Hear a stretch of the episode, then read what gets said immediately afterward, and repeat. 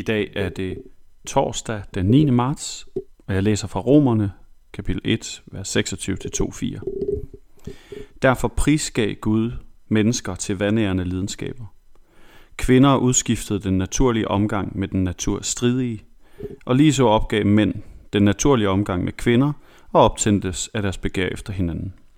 Mænd levede skamløst med mænd og pådrog sig derved den straf for deres vilfarelse, som de fortjente. Fordi de ikke regnede det for noget værd at kende Gud, prisgav Gud mennesker til en forkastelig tankegang, så at de gjorde, hvad der ikke sømmer sig. Mennesker blev opfyldt af al slags uretfærdighed, ondskab, griskhed, uselhed, fulde af misundelse, blodtør, stridsløs, svig og ondsindighed. De løb med sladder. De bagtalte andre. De havde Gud. De farede med vold. De er hovne og fulde af pral. De fandt på alt muligt ondt.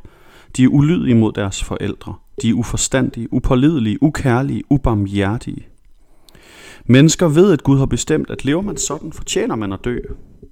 Alligevel lever de ikke bare selv sådan, men bifalder også, at andre gør det. Derfor har du ingen undskyldning, du menneske, som dømmer, hvem du så er. For med din dom over andre fordømmer du dig selv. Du, der dømmer, gør jo selv det samme.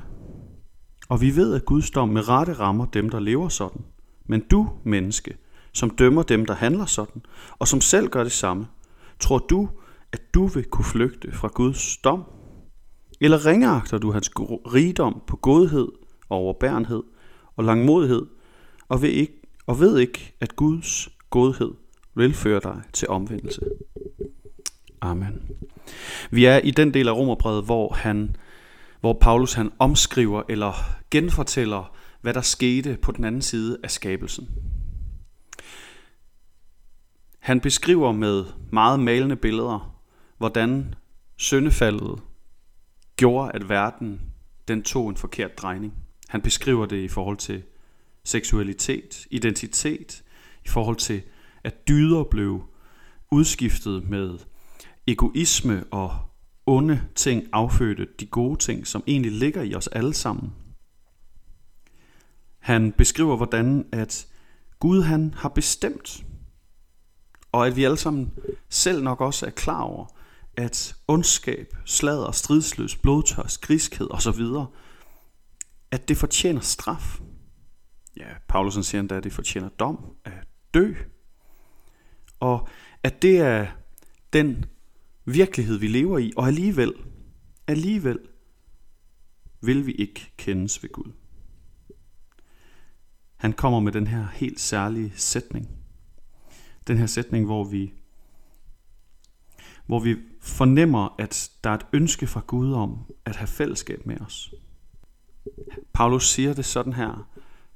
De regnede det ikke for noget værd at kende Gud, og derfor prisgav Gud dem. Det kan lyde som om, at Gud han aktivt gør noget mod os. At han ligesom lægger en brist i os, men bristen er der jo allerede.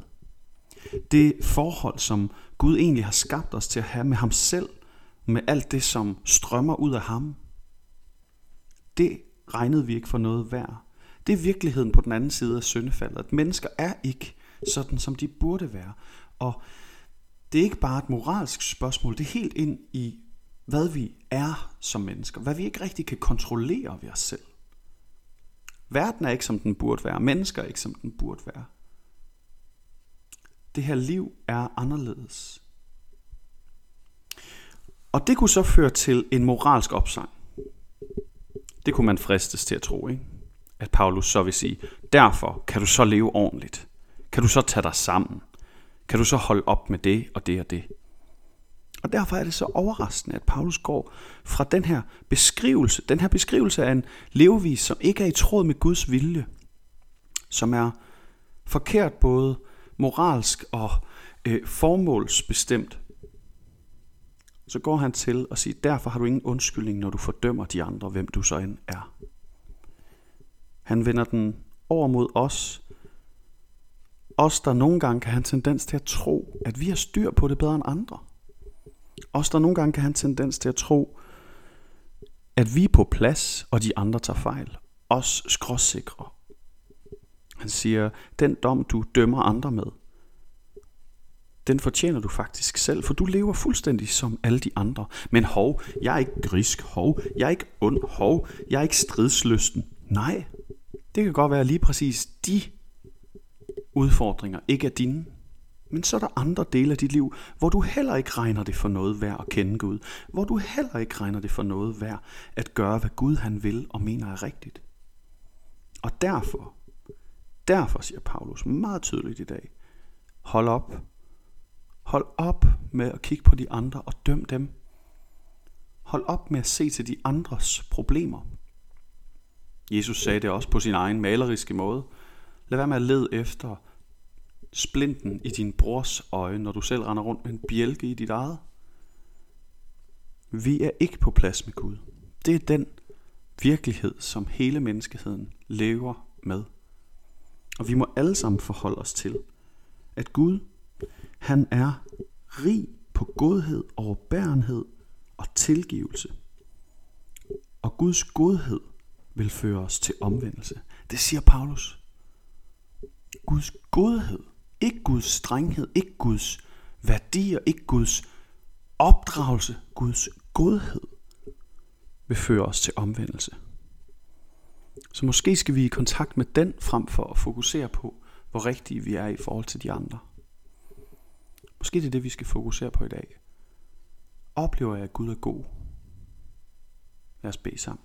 Gud, det er en hård virkelighed at skulle forholde sig til, at verden ikke er sådan, som du egentlig skabte den til at være, og at vi mennesker ikke er sådan, som vi var skabt til at være, men at tingene gik i stykker, da syndefaldet indtrådte. Gud, vi beder om, at du vil hjælpe os til at rette vores fokus indad og opad. Indad mod det i vores eget liv, som ikke er på plads, hvor vi ikke regner dig for noget værd at kende. Indad på den måde, at vi indrømmer vores egen skyld. Og opad, så vi leder efter og erfarer din godhed i vores liv. Amen. Giv en rigtig dejlig dag.